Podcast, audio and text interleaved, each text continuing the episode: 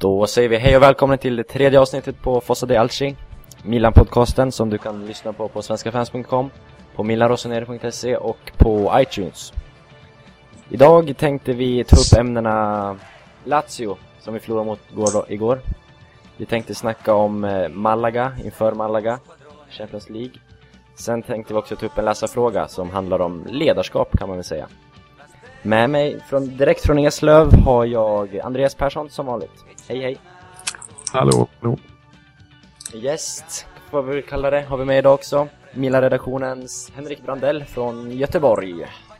God afton, god afton och tack för inbjudan. Nöjet är helt på vår sida. Nu sätter vi igång Fosse del Vialci nummer 3.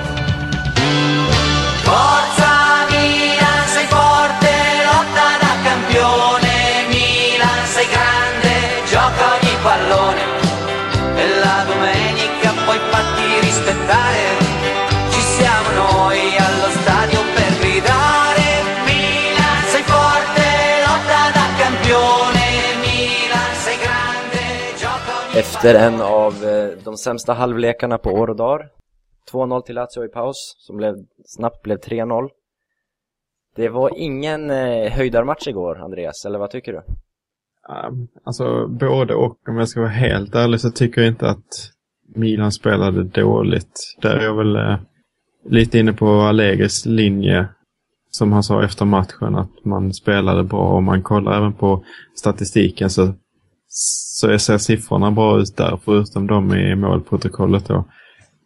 Så ja, jag tycker att innan Lazio tar ledningen som de gör väldigt turligt ska man ju tillägga med skott på blocket där.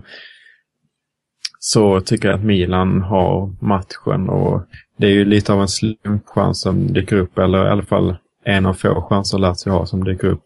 Tar de ledningen. Eh, och 2-0 målet, det är inte så mycket att säga om där. Det är ju en fin prestation eh, såklart. Men det är, Lazio tycker jag inte har, hade så mycket. Framförallt inte innan de tog ledningen och efter Milan eh, kvitt, eh, gjorde 3-1. Henrik, vad spontana tankar om matchen i sig? Jag delar nog inte riktigt den uppfattningen. Det, det är i och för sig sant att statistiken talar eh, för det resonemang som Andreas och Allegri för, men så har det varit nästan hela säsongen att Milan har haft högt bollinnehav och eh, högt antal rätt, eh, rätta passar och så vidare och så vidare. Men, men det leder liksom ingenstans. Det, det är för stort gap mellan mittfält och anfall och det, det går för långsamt i försvaret helt enkelt. Eh, 1-0 var i och för sig turligt men hade man pressat lite mer så hade den chansen aldrig dykt upp. Och, Eh, det är väl lite grann samma för 3-0 också. Eh, där markeringarna dessutom var bedrövliga. Mm. 3-0 kommer efter att Abate inte är på sin plats och Bonera vet jag inte släpper Klose, tror att Abate är bakom. Så det är ju kommunikation och något som jag eh, personligen kommer att tänka på liksom vad det kan bero på. Det är ju Allegris beslut att gång på gång byta backlinje. Byta ytterbackar, byta mittbackspar. Sånt skapar ju en eh, osäkerhet i, i laget, vilket kan leda till sådana mål som Klose gjorde. Eller? Är jag fel ute? Det här är ju den åttonde eh, backuppsättningen eh, på åtta matcher. Liksom det, det får inte gå till så egentligen. Jag kan förstå att han vill testa ut en lösning som funkar optimalt och jag kan också förstå att man till viss del vill anpassa sig efter motståndarna. Som i den här matchen när vi har eh, Klose så tycker jag att Bonera Jepes ska vara de mittbackarna som startar just för att de är kloka. Och eh, eh framförallt att de olikt eh, Zapata och Mexes faller i koncentration. Och det är sånt som man inte får göra mot en spelare som Klose som tar vara på sådana lägen direkt. Däremot som, mot Klose behöver man inte vara så snabb som Zapata, äh, Zapata är. Så till viss del kan jag förstå den typen, men man vill ju ha en, eh, en backfyra som är samspelad. Ja, jag delar den uppfattningen helt och hållet. Och det är nästan skandal att man tio matcher in i säsongen inte har satt tre av fyra backar i varje fall. Mm. Det har ju varit liksom Antonini spelat då och då. De Chiglo har funnits på båda kanterna. Mespa gjorde väl någon match, nu eh, är han skadad. Det, nej, det blir så instabilt. Ytterbackarna tycker jag personligen borde spelas in mer frekvent liksom. Och varför inte lira det Chiglo som har varit bra? Gjorde ett bra derby, var stabil i, i u landskampen som jag för övrigt var och tittade på mot Italien. Jag vet inte om det har med beslutet att göra, att han spelade 90 minuter mot Sverige, men... Ja, förhoppningsvis är det förklaringen för att han är... Alltså, ja, det är ingen hemlighet att jag gillade Chili om man har lyssnat på podcasten. Det är ju kanske favoritspelaren i den här truppen och då... Ja, hans säsong, med hans säsong nu så känns han som det solklara valet i backlinjen. Mm. Sen så vill man ju, även om jag tycker att man kan eh, Eh, rotera mittbackarna beroende på motstånd, eh, framförallt då kanske snabbheten och klokheten i anfallarna, kanske även om de är speciellt skickliga på huvudet eller liknande, så tycker jag att i alla fall en mittback borde vara ordinarie. Eh, och säga att Bonera då ska vara det till exempel, som har varit där länge. Eller, ja, eller vem som helst. Man kan välja Zapata ändå. Att han, man ändå alltid vill ha den snabbheten eller att man vill ha Mexes. Bara man har en, en som, som är där alltid. Det, för mig hade det känts eh, något tryggare. Det var ju många... Ja, för, för, mig känns det lite grann som att det är Jepes som är den stabilaste backen eh, mm. just nu. Eh, lite förvånande får man väl säga. Han borde ju vara långt ner i uh, the packing order. Ja, för så fall bara på grund av ålder i min bok. För, eh, jag är också svag för Jepes och äh, även sen tiden i Kiev. Uh, jag, jag, håller med. Nej, jag tänker mest på, på löneligan där bland mittbackarna ja. så, så ligger inte han högst upp direkt. Nej, det gör ju Mexes. ja, med ganska god marginal. Mm. Någon som inte fått chansen så mycket är ju Acerbi på senaste tiden. Vilket kanske är lite förvånande, för han har inte varit dålig när han har lirat. Ja, han har inte övertygat jättemycket heller, men det finns ju lite för många mittbackar och sen är det lite struligt då i uttagningarna. Och hade ett, exempelvis Mexe spelat till sin nivå eh, så hade man ju kunnat fasa in en Acerbi mycket lättare än om man ska byta spelare hela tiden. Mm. Jo, det håller jag med. Han behöver ju en stadig kille bredvid sig för att lära sig. Mm. Och det vill jag hålla med, helt klart. Mm. Eh, något som fick mycket kritik på, ja, framförallt Svenska fans Milan-forum var ju att Bonera bar kaptensbinden. Det, visserligen gjorde han en dålig match och så, men ilskan mot att han hade binden på sin arm tycker jag är obefogad. Milan har ju ett system där den som har varit längst i klubben bär kaptensbinden. Så har det varit ett bra tag. Mm. Förutom något undantag förra året där Silva fick den före Pato. Ja, men jag kan inte heller riktigt förstå mig på den kritiken. Eh, för vem skulle ha den annars? Eh, Nej. Helt enkelt. Eh, alltså, som sagt, jag jag, det, jag tycker det är omöjligt att kritisera Bonera. Eh, om det är någonting man ska kritisera så är det för att, eh, eller klubbledningen för att vi inte har bättre mittbackar. Bonera är en spelare som kom till oss när han var en stor talang och har liksom accepterat rollen som, eh, som reservspelare och, och liksom ofta offrat sig för klubben. Han har spelat halvskadad när andra back, backar är skadade och, och så vidare för mig är Bonera en, han har stort Milan-hjärta och jag kan absolut eh, tänka mig att ge honom binden när, när Ambrosini och Abbiati till exempel inte finns som alternativ. Jag, jag, delar, jag delar den uppfattningen. Eh, alltså Bonera är lite grann som eh, Antonini. De, de har stora Milan-hjärtan men borde egentligen inte få spela, men det är inte deras fel att de nu är uttagna. Eh, och sen om man ska titta på alternativen till kaptensbinden. Jag vet inte vem det skulle vara som startade igår. Det kan ju omöjligtvis vara Montolivo. Abate gjorde en dålig match och är inte riktigt av det materialet. Eh, så jag vet inte riktigt vad forumet hade för idéer om vem som borde burits. Nej, det, det nämndes inte. Det var bara att det var skit att bonera baren. Det fanns inget alternativ riktigt, tror jag. Nej. Och om man tittar på förra året så eh, gjorde ju inte Ambrosini en stor säsong och han bar binden utan eh, kritik. Så att... Mm, mm. Alltså jag tycker det, alltså kaptensbindeln handlar ju väldigt lite om spelarkvalitet, alltså kvalitativ, att det ska vara en spelande spelare. Eller, så. alltså det handlar om mentala egenskaper och liksom ledaregenskaper. Och det har inget om hur man spelar som fotbollsspelare i sig att göra. Nej. Heller. Om vi eh, går vidare, vi tänker, jag tänker 2-0 målet. Amelia fick ju, i Gazettan fick han ju ganska låga betyg. Eh, utan att kunna italienska så antar jag att det var på grund av den insatsen vid målet. Vissa hävdar att det var helt otagbart medan vissa hävdar att han borde sträckt upp armarna. Jag vet att bland annat vår chefredaktör på Svenska fans, Kave, delar den åsikten. Tycker ni Amelia borde tagit det skottet? Henrik? Jag tror att Abiati hade tagit det skottet. Eh, sen kan man förlåta en, en något sämre målvakt för att inte ha de eh, reflex, reflexerna som Abiati har. Mm. Eh, men eh, ja, jag är kritisk. Mm. Andreas? Ja, nej, jag, jag får väl bara hålla med där. Det, en del målvakter hade tagit den, men, eh, men äh, Amelia är kanske inte på den nivån riktigt. Nej, och som han sa själv i en intervju efter matchen att ja, jag kanske borde tagit det skottet, men det är svårt med eftersom jag inte får kontinuerlig speltid eller något dylikt uttala sig efter matchen. Och det är väl, ja, kanske bara att hålla med där.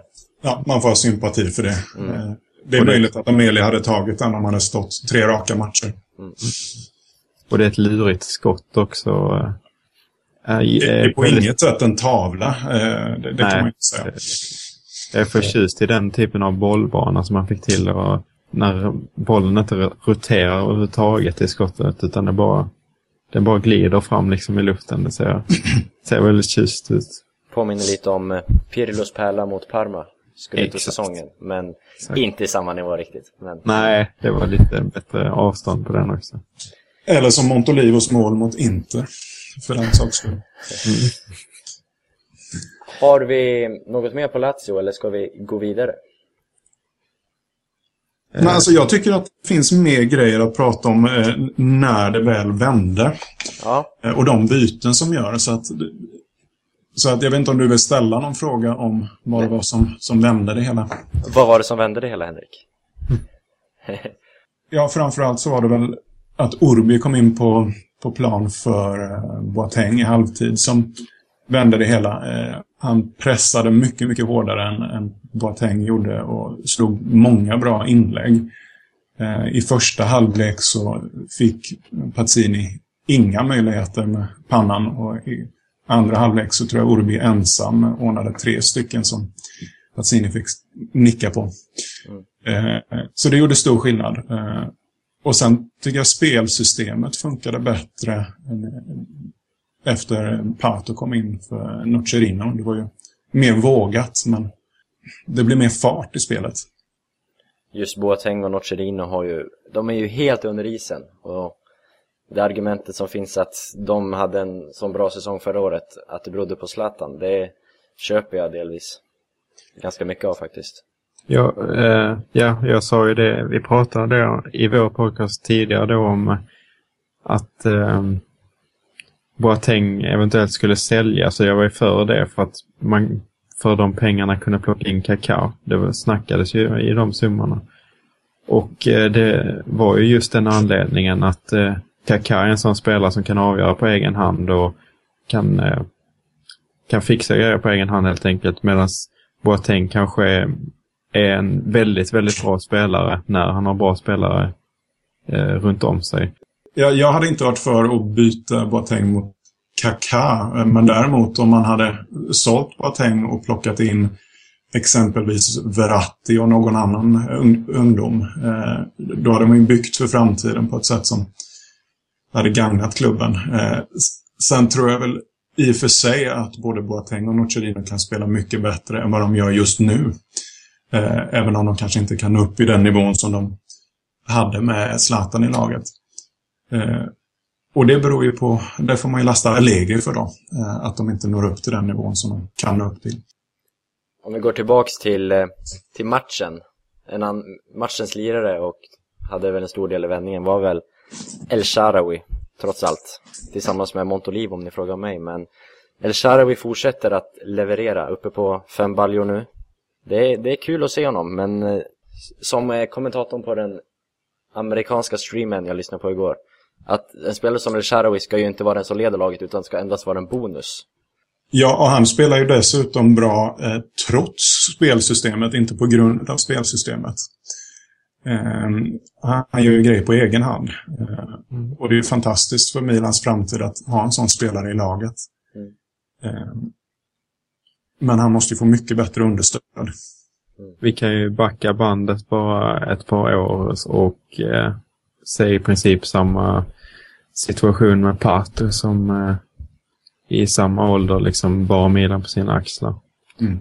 Visserligen med ett eh, spelsystem som, eh, som inte ser riktigt likadant ut. Det funkar ju bättre defensivt och det ja, offensivt handlar ju Ancelottis eh, system bara om individuella prestationer om man ska hårdra det.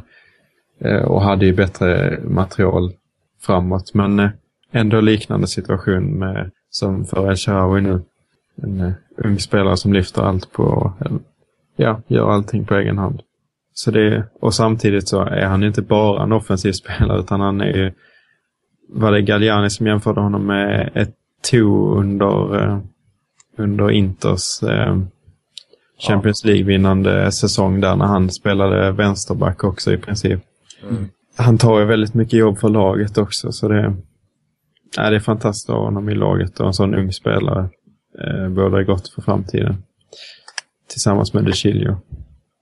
Ja. Eh, hade man haft en rejäl centertank, eh, och då är ju Pazzini en light-version av det, men hade man haft det och eh, Sharawi och en, exempelvis Rubinho på kanterna, då hade man ju haft en mycket vass eh, anfallstrio.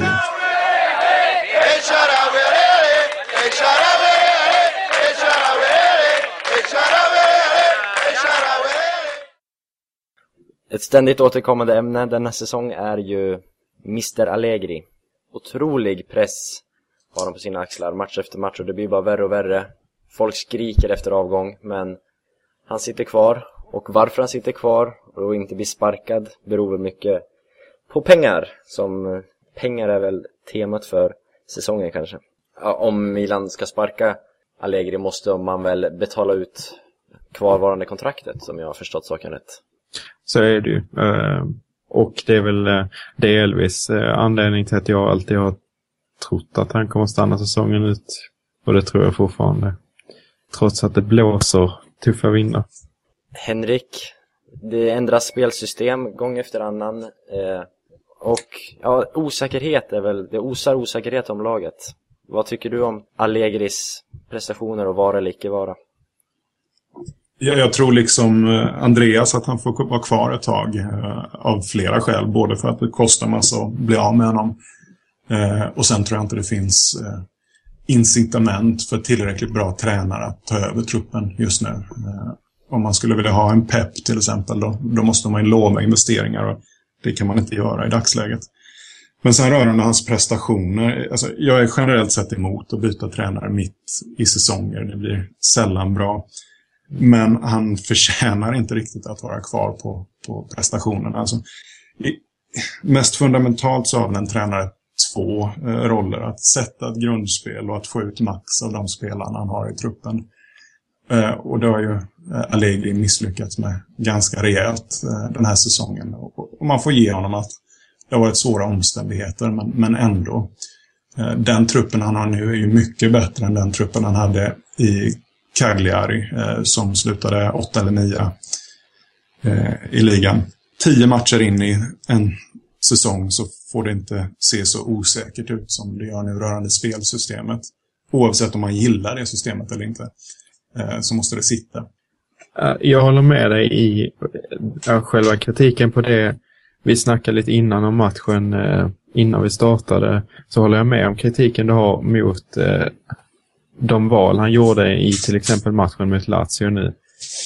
Men samtidigt så tycker jag att eh, han har väldigt, väldigt svåra förhållanden och jag tycker inte att han kan lasta så mycket som alla, alla vill göra och det, nu känns det som att man hoppar på allting som går fel hoppar man på i efterhand. Liksom. Att Milan slutade spela eh, matchen mot Lazio med fyra anfallare, det är tydligen ett tecken på desperation av en tränare och liksom så fort han gör något val som inte slår väl ut så kritiseras det utan direkt eftertanke.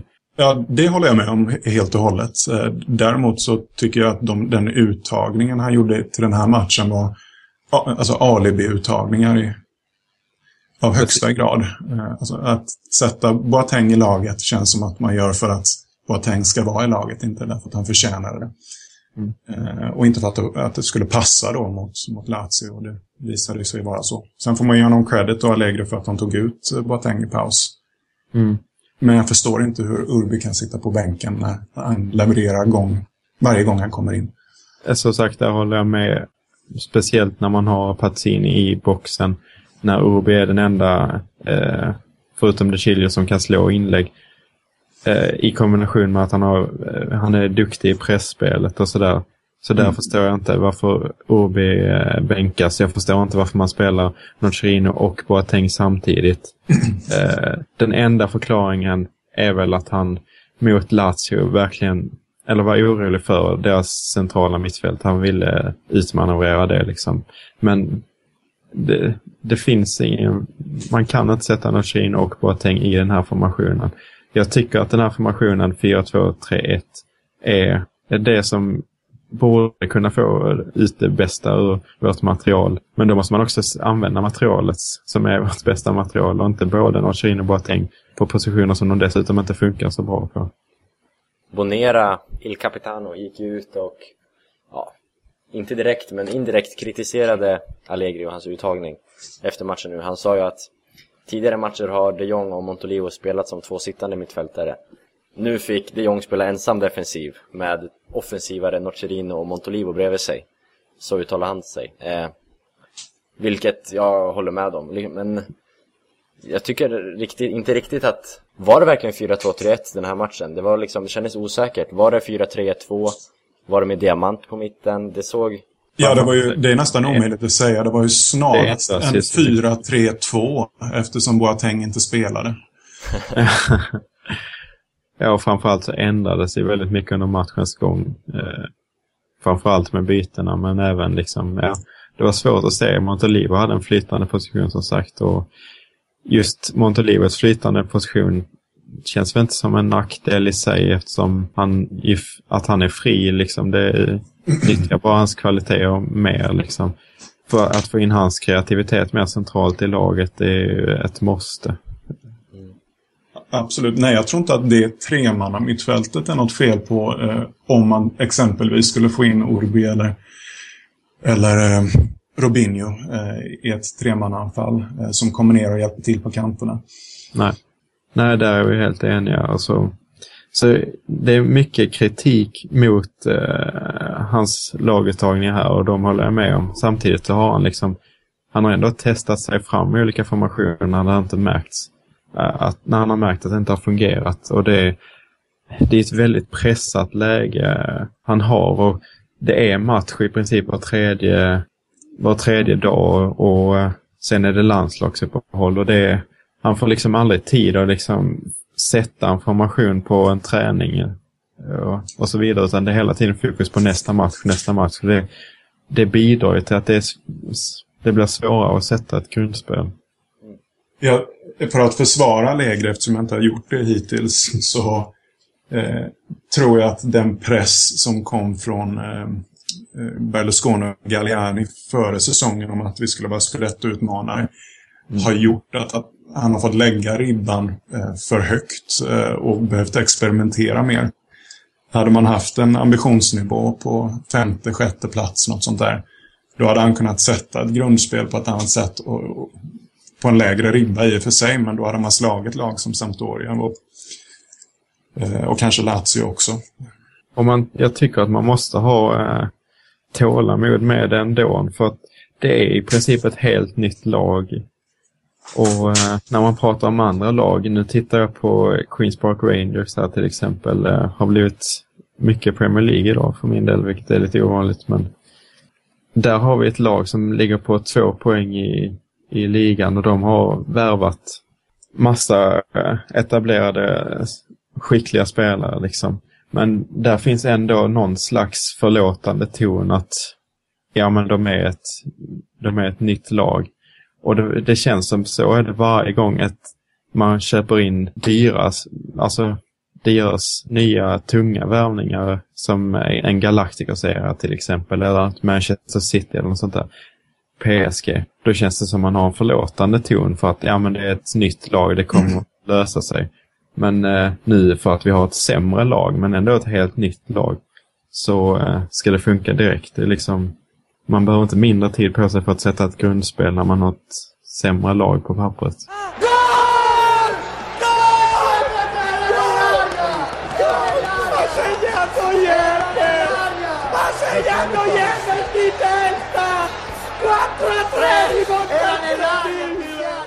På förra avsnittet fick vi en eh, fråga från, på Svenska fans från Pappa Baresi.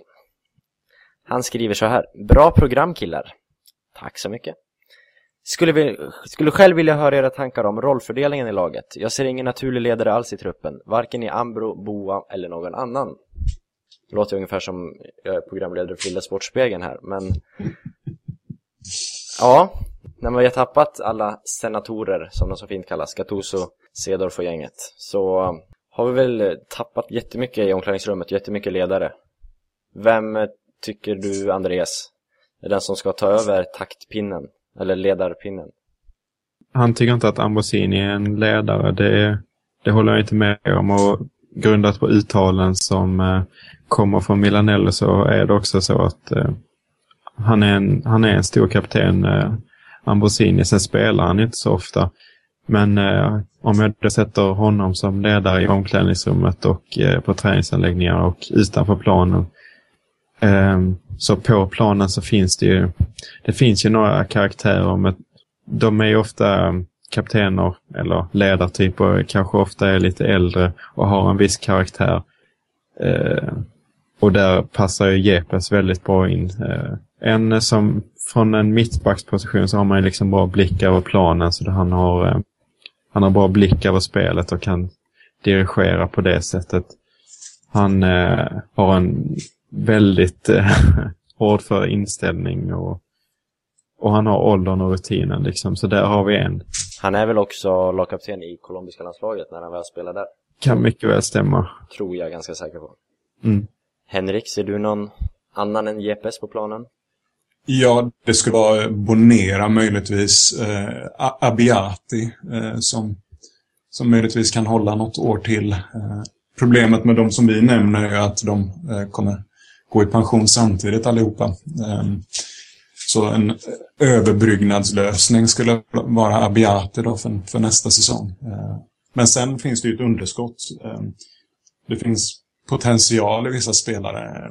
Montolivo var ju kapten i Fiorentina innan han gjorde sig svår. Just eh, Montolivo skulle jag också vilja nämna. Som, jag tycker att man ser det, jag, både jag och David tyckte att vi såg det i, när vi var så derbyt på plats, att det var han liksom som eh, dirigerade eh, från sin mittfältsposition. Det var han som eh, liksom försökte få igång laget med gester och sådär.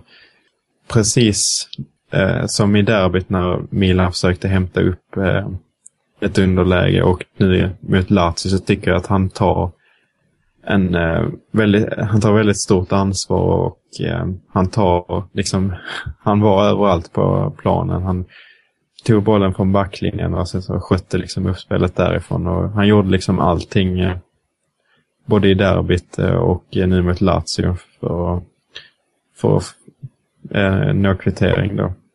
Det är ju positivt när man har en kreativ spelare som dessutom har ledaregenskaper. Mm. Eh, men sen av tradition så kommer väl den där binden gå till Pato. Eh, och då får man hoppas att han får bära den några gånger också eh, och inte vara skadad. Mm. Pato känns det ju personligen för mig inte som något ledare, någon ledare på planen. Nej, jag rekommenderar det inte på något sätt. Nej, utan det är väl snarare att han har varit i klubben ja, länge. Jo, det köper jag. Och det är som, det, som sagt den traditionen Milan har. Den som har funnits längst i klubben ska väl ha binden. Och därför Bonera baren igår och så. Mm. Jo, det är, det är så det har varit och frågan är om... Alltså, det behöver inte vara kaptenen som är ledaren på plan egentligen. Eh, utan man kan ju ha liksom informella ledare. Eh, tidigare har vi haft Van Bommel som inte var kapten, men han eh, dirigerar ju eh, hela laget, mittfältet och hela laget eh, eh, hela tiden kändes det som. Det, det finns ju ingenting som hindrar att spelare som inte har eh, kaptensbindeln är ledare.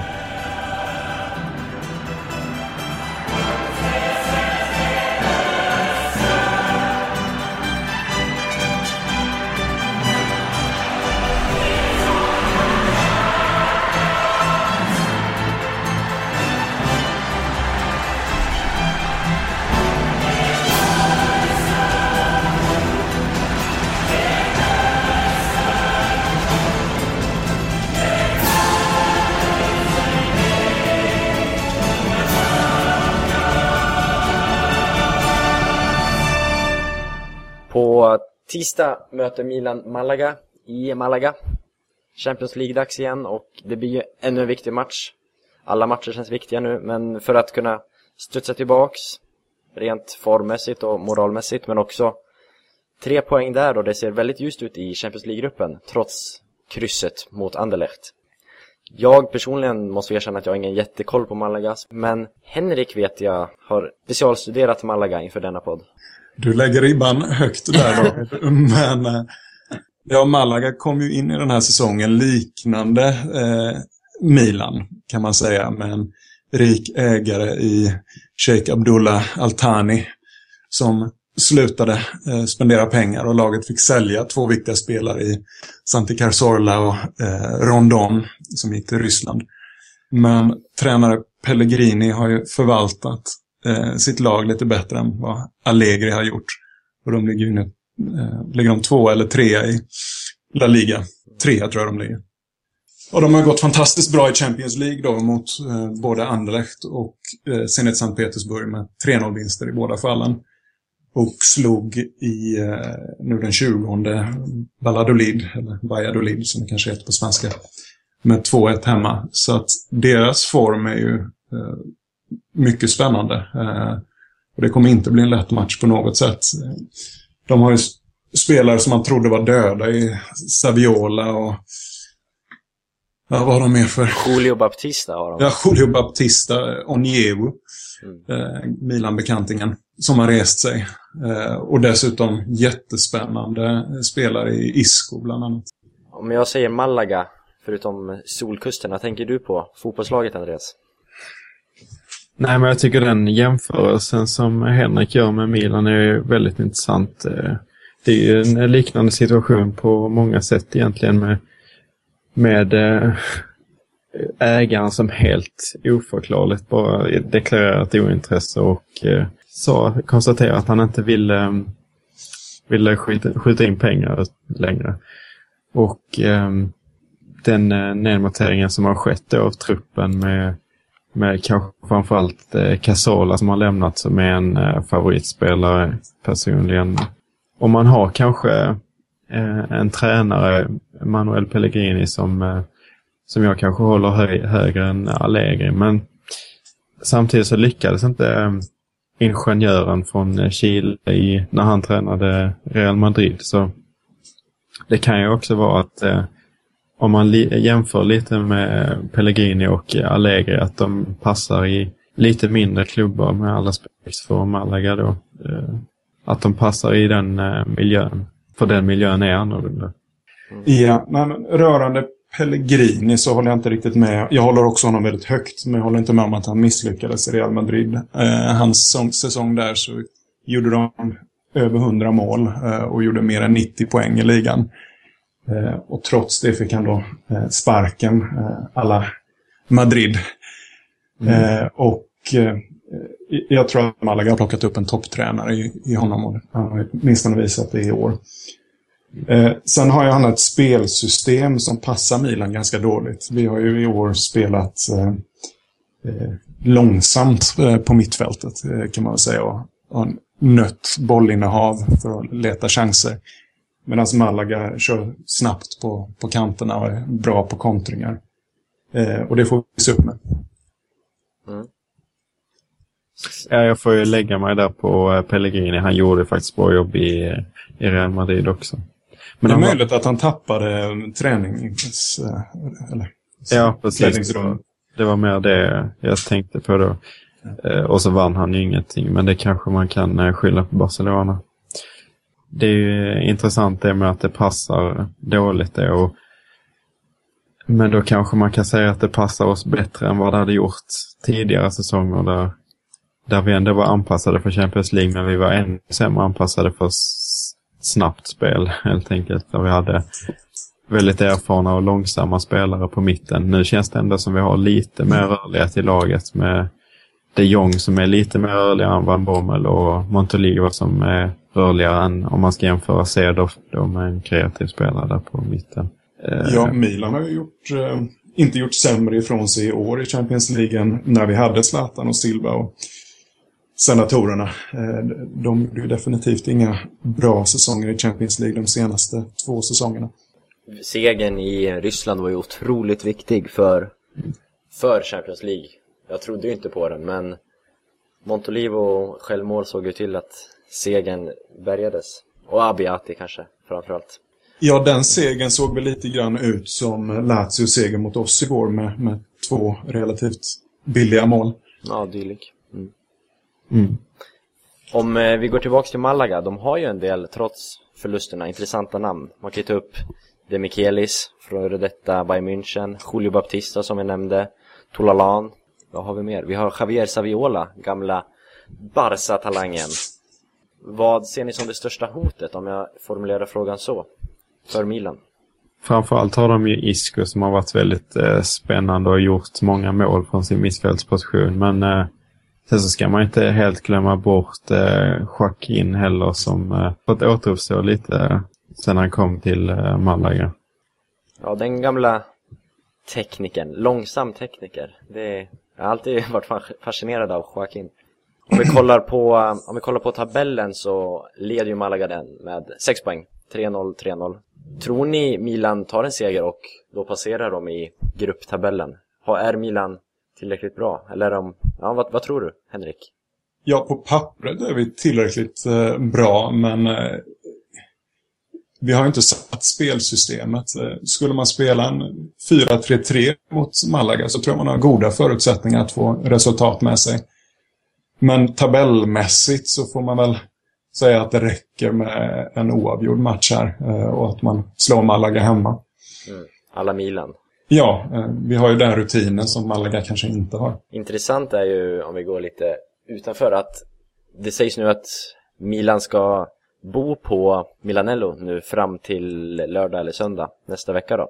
Eller förutom den här resan då som de gör till Malaga. Så förhoppningsvis kan eh, liksom gruppen svetsas samman rejält. Och då om, får vi ett positivt resultat här, de spenderar fortsatta dagarna fram till helgen tillsammans kan bli en, eh, en riktig moralhöjare. Ja, det är ett klassiskt eh, Ritio det handlar om helt enkelt. Eh, mm, det är spännande. Se hur Boateng löser det med, med flickvän och sådär. Men, eh, ja, han får väl energi av just det utbytet, verkar det som. Henrik nämnde ju i början att investeraren eller ägaren till Malaga slutat satsa pengar och jag som erkänt har dålig koll på spansk fotboll reagerar ju på namnet Altani, Sheikh Altani. Var det inte det vi pratade om förra veckan, Andreas? det stämmer ju. Och eh, det är alltså samma som har gått in i, i Malaga och nu eh, tappat intresse. Tillfället i alla fall, nu när man ser att de går bra i Champions League så kan man ju tänka sig att det blir en del januarivärvningar. Men eh, deras eh, tveksamma engagemang får en ju liksom att tveka till, eh, till en framtida investering i Milan. Ja, eh, utan att känna honom eh, personligen så kan man väl anta att han inte är milanista. Eh, och givet hans då, något eh, svaga engagemang för tidigare investeringar så är det väl inte en optimal lösning. Och sen eh, hoppas inte jag personligen på den typen av lösning för Milan utan jag vill hitta en långsiktig hållbar lösning och det borde gå givet att Milan trots allt har de sjunde högsta in intäkterna i fotbollsvärlden. Sen ska man ju, det är ju inte exakt samma person som har deklarerat intresse eh, för Milan då, utan det är hans eh, nästkusin eller något i, något i den stilen. Det är samma, det är samma släkt, eh, den som är den släkten som äger ah, hela Qatar i princip. Eh. Som håller på att ta över fotbollsvärlden mer eller mindre. Ja, men det är inte, det är inte han som har eh, som har in, deklarerat intresse för Milan. Ja, okay. ja, det är ju värt att poängtera. Om man nu ska ta in den typen av investerare så vore det väl kanske den bästa lösningen om man hittar någon som vill investera i en ny stadion. Precis, och det var ju det vi var inne på i förra podcasten då. Och då kanske den här albanen, jag vet inte om ni pratade om honom förra veckan, eh, Taski heter han, oljemagnaten, mm. eh, som är milanista, eh, vore en bra lösning. Precis, honom plockar jag fram som ett lite, liten outsider som inte har näm nämnts i de här nya sammanhangen. Men eh, som, gick in, som gick in och sponsrade, som är nu en, eh, en av våra huvudsponsorer. Han kan ju bli aktuell helt klart. Och som sagt, han har, eh, som du sa, han har ju ett lite större intresse utöver det kanske publicitetsmässiga. Det var allt vi hade för denna podcast. Som sagt, du får gärna kommentera på Svenska fans på milarossoner.se eller så får du ranka oss på iTunes om ni tycker det är kul. Det tycker i alla fall vi är roligt. Stort tack till Andreas som var med som vanligt. Får väl höra dig, ja, inte nästa vecka för då är du i London. Precis. Men eh, någon ersättare rycker ju väl in. Vi får också rikta ett stort tack till Henrik. Riktigt kul att ha dig med. Tack så mycket. Ja. Storslagen debut får man ju säga. Paloski-klass. Ja, helt klart. klockren Henrik. Det, det bådar inte gott för framtiden helt enkelt. jag, jag kommer sluta med att jag kommenterar Kievo på någon... något hörn av internet. Jag som har eh, varit någon form av programledare heter David Faxo och vi hörs om en vecka. Ciao! Ciao! Ciao.